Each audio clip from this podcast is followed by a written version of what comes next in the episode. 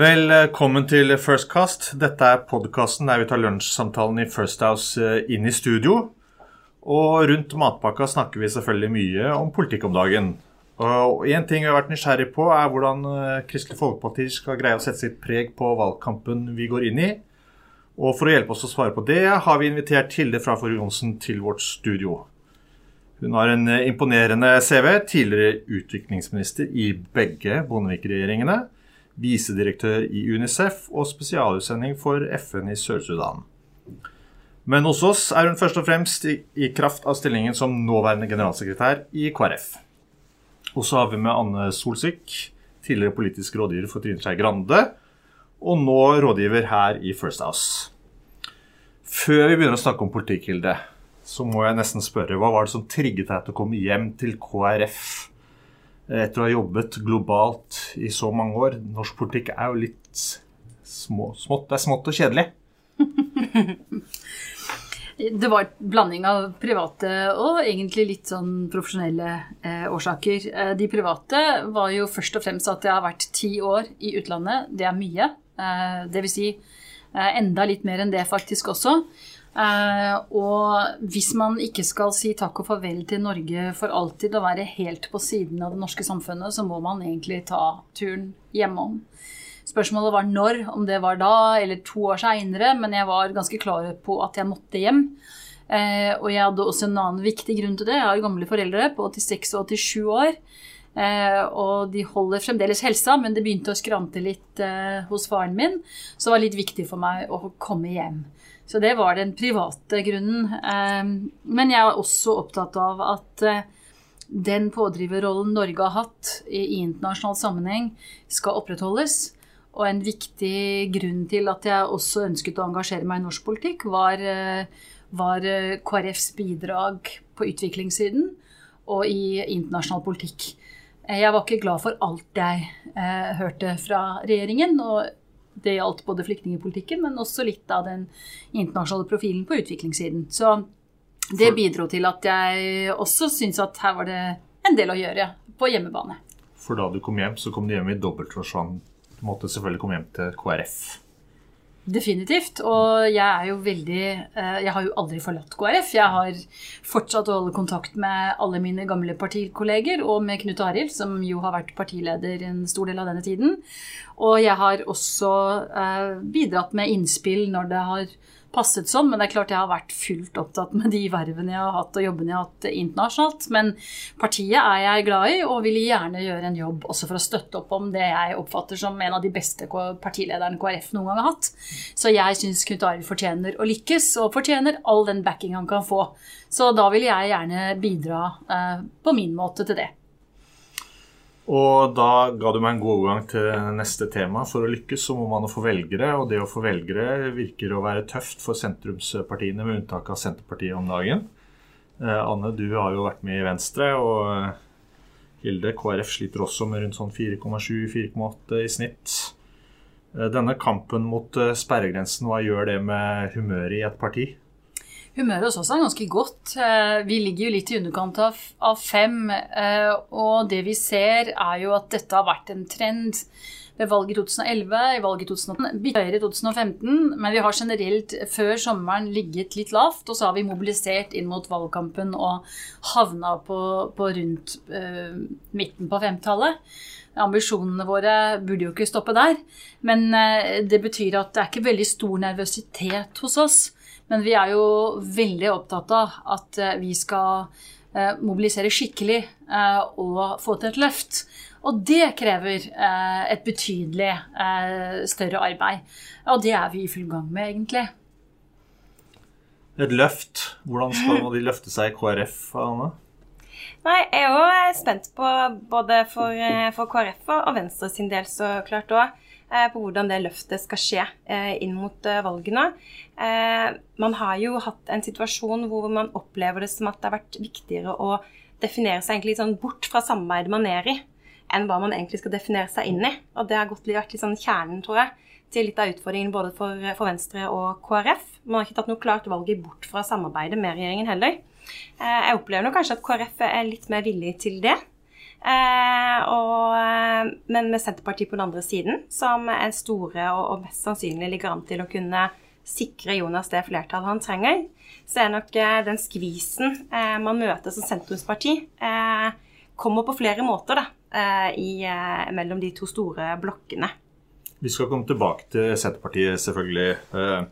Jeg må nesten spørre Elin Ørjasæter sier i Aftenposten at hun gjerne skulle sett at småpartiene forsvant. Mm. De er bare i veien egentlig for den politiske debatten og driver stort sett med føleri. Hilde, hva tenker du om det? Ja, jeg lo godt når jeg leste det. Eh, jeg husker jo veldig godt eh, debatten på 90-tallet. Da satt jeg på Stortinget. Og, eh, og satt vel her i åtte år. Og en av hoveddebattene den gangen var storkoalisjonen Arbeiderpartiet Høyre, som Fremskrittspartiet mm. ofte var et medlem av. Og hvordan de kunne bulldose gjennom viktige saker mot Eh, sentrumspartiene, og i en del tilfeller også SV. Og jeg tror at eh, både Ellen Ørjasæter og andre skal tenke nøye gjennom hvor vi hadde vært i klimapolitikken hvis det ikke hadde vært for de partiene som har stått uh, for en mer offensiv klimapolitikk. Hvor vi hadde vært med Lofoten, Vesterålen. Altså hvis det er føleri, så tror jeg man skal snakke med fiskerne der oppe og andre som føler at livsgrunnlaget er trua. Eh, og hvis man skal se på f.eks. hvor Norge hadde vært i utviklingspolitisk sammenheng, hvor vi har reddet budsjettene flere ganger På 90-tallet måtte vi kjempe mot Arbeiderpartiets kutt i bistanden. Det har folk, begynt, det har folk glemt. Eh, og det har eh, heldigvis endret seg. men det er klart, her, her, har våre partier, og ikke minst KrF, stått for en, en politikk hvor vi skal stille opp for de som trenger det mest. Også innenfor etikk. Eh, hvor bioteknologi eh, er et spørsmål som både Senterpartiet og KrF har stått for eh, en mer restriktiv linje. Og hvor hvis det er føleri å kjempe for et menneskesyn som sørger for at barn med Downs syndrom skal ha livets rett, mot den type synspunkter som Brons Terje og andre forfekter, vel, da er jeg stolt av å drive med det. For det mener jeg faktisk har med eh, menneskesyn og menneskeverd å gjøre, og at alle skal ha samme menneskeverd. Så her eh, må folk gjerne være uenige, men jeg mener at det er veldig viktige politiske forskjeller som her kommer frem, og hvor faktisk disse partiene har en utrolig viktig rolle å spille i norsk politikk. Så sentrumspartiene er jo de jeg ønsker skal samarbeide og stå sammen. Så jeg er jo lei meg for at sentrumspartiene ikke er en felles blokk som kan kjempe sammen om alle disse sakene. Men vi har i hvert fall lyktes på hver vår kant å bidra til at disse sakene på mange vis har eh, har ikke gått gæren vei, da, sett fra vårt ståsted. Nå har Venstre litt andre synspunkt på et par av dem, men, men uh, i hvert fall det er ting som jeg uh, er opptatt av at både, både, Senterpartiet og KrF i hvert fall, og i en del tilfeller Venstre, har stått for. Nå må dere overbevise velgerne også om at uh, KrFs synspunkter har livets rett, og at dere har gjennomslagskraft. Hva skal dere gjøre i valgkampen for å tydeliggjøre partiet? Det interessante er jo vet du, at uh, i tid, den tida vi er i nå, er det jo på sett og vis uh, en verdivind som blåser. Alle snakker om verdier. Det måtte vi liksom løfte fram for en del år tilbake. At det var kontroversielt å snakke om verdier. Det var nesten bare KrF som gjorde det. Nå snakker Trygve Slagsvold Vedum om, verdikamp. Erna Solberg snakker om de verdiene samfunnet vårt er bygget på, at de vil de kjempe for. Uh, Syvi Listhaug, det kan man være enig eller uenig i, eh, sier at det er et verdivalg man står overfor. Eh, KrF har alltid vært et verdiparti som har utfordret til og invitert til verdivalg. og nå er det mulig å snakke om kristne verdier uten at man får assosiasjoner til en sånn mørkemann som bare vil andre Ja, dere skjønner hva jeg mener? Nå er folk mye mer opptatt av hvilke røtter vi bygger samfunnet vårt på, og hvilke verdier vi skal gi videre til neste generasjon. Det har sikkert litt med utfordringene knyttet til eh, flyktningene som kom i 2015, men en del av de debattene som nå pågår i norsk offentlighet.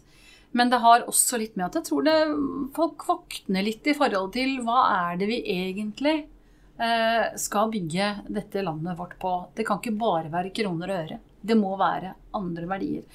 Og det er jo eh, noe som ligger KrFs hjerte nær, og som på mange måter er varemerket vårt. Så det som er spennende, er jo at det er en slags verdivind som blåser i mange forskjellige på mange, mange forskjellige måter. Men som jeg håper at vi kan klare å artikulere på en måte som gjør at folk skjønner Oi, eh, dette partiet kan stå for eh, en verdiforankring som vi trenger i dette samfunnet for framtida. Og som ikke er forbundet med mørkebåndstempler og, og, og, innsnevrede fokus, men som er forbundet med rotfeste. Eh, og det er jo en gammel eh, dikter, Olav Mostøl, som har skrevet et veldig fint dikt om dette. Og han har en strofe som sier noe sånt som Rotfeste trenger et menneske når han skal bære bører i motvind. Eh, og da, jeg tror liksom det er den assosiasjonen der eh, jeg håper vi kan bidra til å gi. At det er det eh, Jeg tror det er mange som er på jakt etter det. Jeg tror det er mange som er, ønsker det. Så jeg tenker, klarer vi å artikulere det på en måte som gjør at, eh, at det favner vidt og bredt, så tror jeg vi har gode sjanser til å, gjøre, til å løfte oss eh, i valget. Et globalt bakteppe. Og så er det globale bakteppet der. Det er ingen tvil om det. Og det er mye frykt og terror og altså mye utrygghet. Jeg tror det å søke til verdiforankringen også har litt med det å gjøre. Mm. Rett og slett. Mm. Det er en verdikamp eh, for tiden som man må kunne klare å, å hente ut det positive i for, eh, for, de mindre partiene òg, ikke minst. Eh, men det er en utfordring når f.eks. sånn som Senterpartiet klarer å fange dette inn i f.eks. å være en brems mot en del reformer, eh, og holde igjen på en del ting, eh, og kunne eh, peke seg ut noen saker som kanskje ikke de sjøl har definert veldig sterkt, men som omgivelsene har, har definert for dem. Og hvor vi ser at f.eks. Eh, mindre partier som KrF og, og, Venstre sliter i større grad med måte, å, å, synliggjøre hvorfor man er til da, opp mot denne sperregrensediskusjonen, eh, hvis ikke man har disse helt tydelige enkeltsakene, sånn som KrF, som virkelig på en måte fikk kjenne på det med kontantstøtten, hvor det var mulig å bygge opp en forståelse rundt eh, verdier på flere måter. Både for den eh, enkelte, for hvilke måte, valg- og oppvekstvilkår man ønska. Og dette eh, dette er litt sånn en utfordring, tror jeg, inn mot dette valget spesielt, eh, etter det samarbeidet man har vært i eh, for, eh, for, Venstre og KrF. At når ikke man har disse tydelige enkeltsakene som synliggjør det veldig godt, da, og mobiliserer ut fra i en sånn verdikamp mellom hvilke valg man står i, så, så blir det vanskelig opp mot Senterpartiets tydelighet. Løper Senterpartiet av gårde med hjertesakene deres, Hille? Nei vi er enige med Senterpartiet mye, vi. Så der har vi nok litt, mm. stått på litt forskjellig linje i forhold til Venstre. I hvert fall i forhold til flere av de reformene som uh, regjeringen har uh, fått flertall for i Stortinget, så har det jo vært mer Venstre som har støttet opp om dem enn KrF. Vi, og der har vi nok stått nærmere Senterpartiet i en del tilfeller. Nå har Senterpartiet nok gått lengre enn det vi har gjort. Så her har vi ligget på litt forskjellig linje. Eh, og jeg tenker at eh, det er ikke rart eh, at mennesker rundt omkring i landet føler at en hel haug med sånne reformer virker sentraliserende, og føler at de og fremmedgjørende. Og hvis folk opplever at lensmannskontoret blir stengt i egen kommune, så kan man si nærpoliti så mye man vil, men det mm. opplever ikke folk. Mm. Eh, så det er veldig forståelig. Og, men det er Senterpartiet som har tatt eierskapet ja, til den saken? Det som er utfordringen for oss, da, det er jo at eh, og jeg tror Knut Arild artikulerte det i landsmøtetalen sin på en veldig god måte og sa veldig klart ifra at eh, nå er det slutt på å være et skadebegrensningsparti for regjeringens distriktsfilterpolitikk. Det var det han sa. Mm. Altså der, vi har jo ikke vært med på veldig mye av det, men vi blir likevel liksom eh, tatt, altså vi blir likevel slått i hardcore med det, fordi vi har denne samarbeidsavtalen som gjør at eh, ja, ja, men dere holder jo Fremskrittspartiet ved makten likevel. Og Høyre Angrer dere på den avtalen? Nei, altså i dag så har vi vært eh, sommerens pressekonferanse, og det er klart vi har lagt fram 50 punkter som klart viser hvilket eh, gjennomslag, og egentlig utrolig gjennomslag, KrF har hatt i utrolig mange saker. Så har man fått til veldig mye, men det er klart medaljens bakside er det, og den kommunikasjonsmessige utfordringen er stor. Eh, og det det er helt klart at den har hatt en del sider ved seg, og ikke minst uh, KrFs relativt konfliktfylte forhold til Fremskrittspartiet spiller jo inn i dette. Og det gjør det ikke enkelt. Uh, og, her, og, i distriktspolitikken så har vi ikke klart å synliggjøre tydelig nok at vi faktisk har vært imot tvang i kommunereformene, f.eks. Uh, selv om vi har uh, forsøkt å, å, være, å få det budskapet ut så godt det lar seg gjøre så er det noe med det optiske bildet og inntrykket. Det er ofte det som fester seg hos folk, uten at man kan alle detaljene på hva man har vært for og mot og bort og sånn. Det kan man ikke kreve at folk skal holde styr på. Så det er litt av utfordringen. Så jeg vi hos oss i KrF er ikke veldig kritiske til Senterpartiets eh, eh, fremgang og forstår godt hva som skjer og rører seg ute i folket i distriktene. Men der har vi nok litt annen et litt annet syn da enn en det en, I hvert fall det jeg får inntrykk av kanskje av stortingsdebattene at Venstre gjør. For der har det nok vært atskillig mer eh, konfrontasjoner da, eh, i salen. Når jeg hører deg nå, så høres det ut som du savner å være bestevenn med Senterpartiet, og ikke regjeringspartiene. Vi er jo et sentrumsparti, og det er jo naturlig for alle som sitter som uh, tillitsvalgte og folkevalgte i KrF å føle et naturlig slektskap med sentrumspartiene, Senterpartiet, Venstre og KrF. Sånn er det. Uh, og jeg har jo sittet i fire år i sentrumsregjeringen, og hvis du ser på Eh, skjebnen til eh, KrF i den perioden, så gjorde vi det strålende under sentrumsregjeringen. Mm. Og hadde egentlig holdt stillingen veldig. Eh, vi gikk jo med 13,7% inn i den sentrumsregjeringen og holdt 12,1 land ut. Men det er klart, Bondevik II-regjeringen gikk det ikke så bra med, og i 2005 så ble vi halvert. Om det hadde med regjeringspolitikk å gjøre, med selskapet vi var i, eller med Eh, statsministerens popularitet. altså Det kan det være mange spekulasjoner om. Men det er klart at eh, som en som har sittet i begge de regjeringene, så har jeg et kjærlighetsforhold til sentrumsregjeringen. Men det er klart, her snakker vi om litt andre tall og en annen tid. Mm. Så man skal slutte å være nostalgisk. Men når du hører meg snakke, så har det kanskje det som litt av bakgrunn og relieff, da. Men eh, mellom oss, Hilde, hvem vil du egentlig samarbeide med? Jonas og Senterpartiet eller Erna og Fremskrittspartiet? Ja, Det er jo sånne valg som, eh, som vi eh, politikere alltid eh, får eh, bli stilt. Og, eh, og, spørsmål vi får hele tiden. Og som vi alltid gjør, så svarer vi med det landsmøtevedtaket vi har gjort. og det er det vi alle foretrekker nemlig en sentrum-høyre-regjering. Og hadde vi kun tatt med Senterpartiet der, så hadde vi blitt veldig glad i KrF. Eh, men eh, med så mange av sentrumspartiene som mulig står det i det vedtaket. Og det er klart en Erna som samarbeider mot sentrum, og som er mer sentrumsorientert enn den Erna vi ser i dag, det er vi veldig fornøyd med. Så hvis vi hadde sett det, hadde det vært eh, en regjeringskonstellasjon som også jeg ønsket meg, i likhet med partiet. Og så er det jo det interessante, da, som jeg syns altfor få norske journalister fokuserer på, det er at de er faktisk et mer levedyktig alternativ enn den regjeringen vi, sitter, vi ser i dag, uten garantier i Stortinget. For verken Venstre eller KrF har utstedt noen garantier for en uh, ny blå-blå regjering. Og hvis den Kanskje... lever usikkert, uh, som den gjør uten garantier, så må den hente støtte i sentrum der det er mye mer levedyktig, men sentrum-høyreregjering som hente støtte, kan hente støtte på begge uh, sider av den politiske skalaen. Så, men det er, det er, kanskje mer levedyktig, men også kanskje mindre realistisk som et alternativ i den valgkampen vi nå går inn i? Vel, altså nå har jo eh, Fremskrittspartiet sagt at de ikke vil støtte en regjering de ikke er medlem av. Eh, det betyr jo at de står overfor det valget å sette inn Jonas Gahr Støre i regjeringskontorene. Og det blir jo spennende å se om de gjør det. Så man kan jo snakke om hva som er mest realistisk. Mm. Det interessante med dette valget er jo at det er ingen som kan si at de har alt på rede hånd, og de vet akkurat hvordan regjeringskonstellasjonen kommer til å se ut. Ingen kan si det. I dette valget er det eneste som er sikkert, er at alt er usikkert.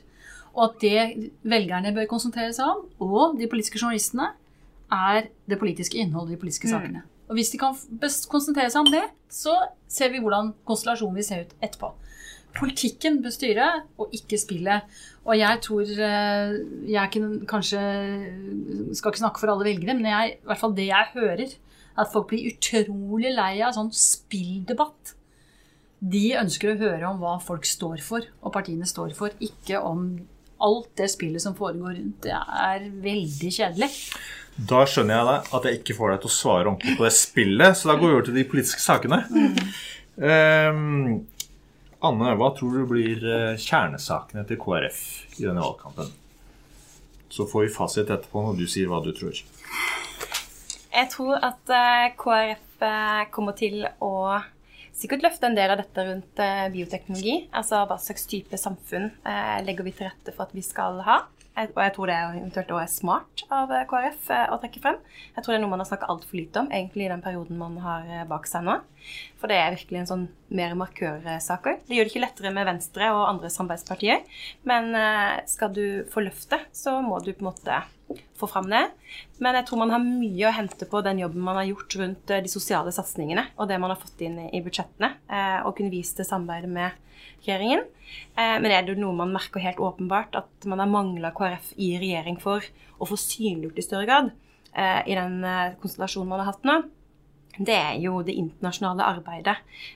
og, det er en måte mye mer sånn bistand- og utviklingsperspektivene til KrF som en, denne type regjering med KrF i hadde nok vært mye tydeligere på enn det vi har, har sett nå. Og som kanskje er et sånn side både rundt Altså, når vi da kommer til Stortinget med sånn type politikk, eh, og det går jo litt igjen for hele den samarbeidsmetoden man har hatt, er at da blir det fort krangling og budsjett opp og ned, mer enn å kunne snakke eh, og sette preg på saker over tid. Eh, og, og, kanskje akkurat på, på, bistand så har det vært mye diskusjon på innretning, på prosentandeler, og det er viktig eh, for veldig mange. Men du får ikke liksom synliggjort de store prosjektene på samme måten med det verdigrunnlaget mer synlig til stede. Hilde, traff, traf analysen. Er det dette som blir uh... Altså Når det gjelder utvikling og bistand, så har vi jo faktisk klart å få en debatt i Stortinget. Vi fremmet en utviklingsmelding i september som eh, vi var med på en gruppe av oss i KrF forfattet. Så vi laget vår egen stortingsmelding, faktisk. Selv om det ikke da kunne kalles stortingsmelding, så kalte vi den utviklingsmelding likevel. Dette har vi gjort før òg, uh, når vi ikke syns det går bra på dette området i regjeringen. Vi kalte det motmelding forrige gang. Eh, og det har jo ført til betydelig gjennomslag på mange mange områder. Og det interessante her er jo en allianse mellom sentrum-venstre-partiene, mm. hvor Venstre også var med. Eh, og hvor eh, Høyre og Fremskrittspartiet var i mindretall på en rekke områder. Så kom regjeringens utviklingsmelding, og den har også blitt behandlet og med litt sånn tilsvarende flertall. Det, så der har det vært en debatt om innholdet for første gang på veldig lang tid. Så det er veldig bra, men dette er ikke en stor valgkampsak det er en viktig sak for helheten i KrFs politikk, og jeg skulle ønske at det var det som preget eh, norske valgkamper.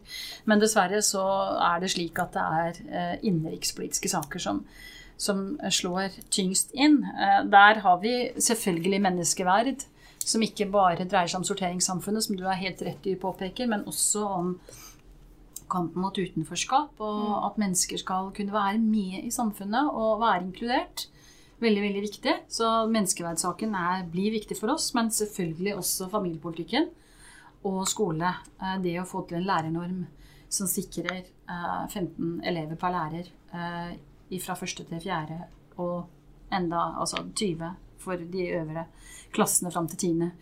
Og det er jo en sak som veldig mange partier snakker om men der vi har levert i de tidligere budsjettene, og hvor også vi mener at ikke er tilstrekkelig. Derfor så er det KrF og SV som står for den lærernormlinjen. Og det håper vi kan bidra. Men det viktigste her er jo at uh, dette er jo ikke fordi at uh, vi skal liksom være synlige i valgkampen. Det er jo noe av det viktigste vi kan gjøre, er jo å bidra med uh, en politikk som gjør at alle elever og alle barn blir sett. Så barn, familie, skole, vi skal være gjenkjennelige på det. Men til syvende og sist så vil nok, tror vi, det dreier seg litt om K-en. Altså mm. eh, Fordi K-en er ikke bare KRE-faget, det er faktisk hvilke verdier vi skal bygge samfunnet vårt på. Så jeg tror det kommer til å være en viktig sak for oss gjennom hele valgkampen. Siste spørsmål. Hva er målet? Prosentpoengmålet deres? Det har vi tenkt at uh, vår dyktige partileder skal få lov til å meddele offentligheten på det egnede tidspunkt. Så det er ikke noe jeg kommer til å kommentere akkurat nå. Da får vi vente i spenning for å se om K-en kommer til å få dere opp på det nivået. Takk til alle dere som lyttet til oss. Mitt navn er Håkon Borud. Husk at du kan abonnere på podkasten vår i iTunes eller Android. Og har du noen ønsker om tema vi bør diskutere eller gjester vi bør invitere, så send oss gjerne en melding på Firstcasts Facebook-side.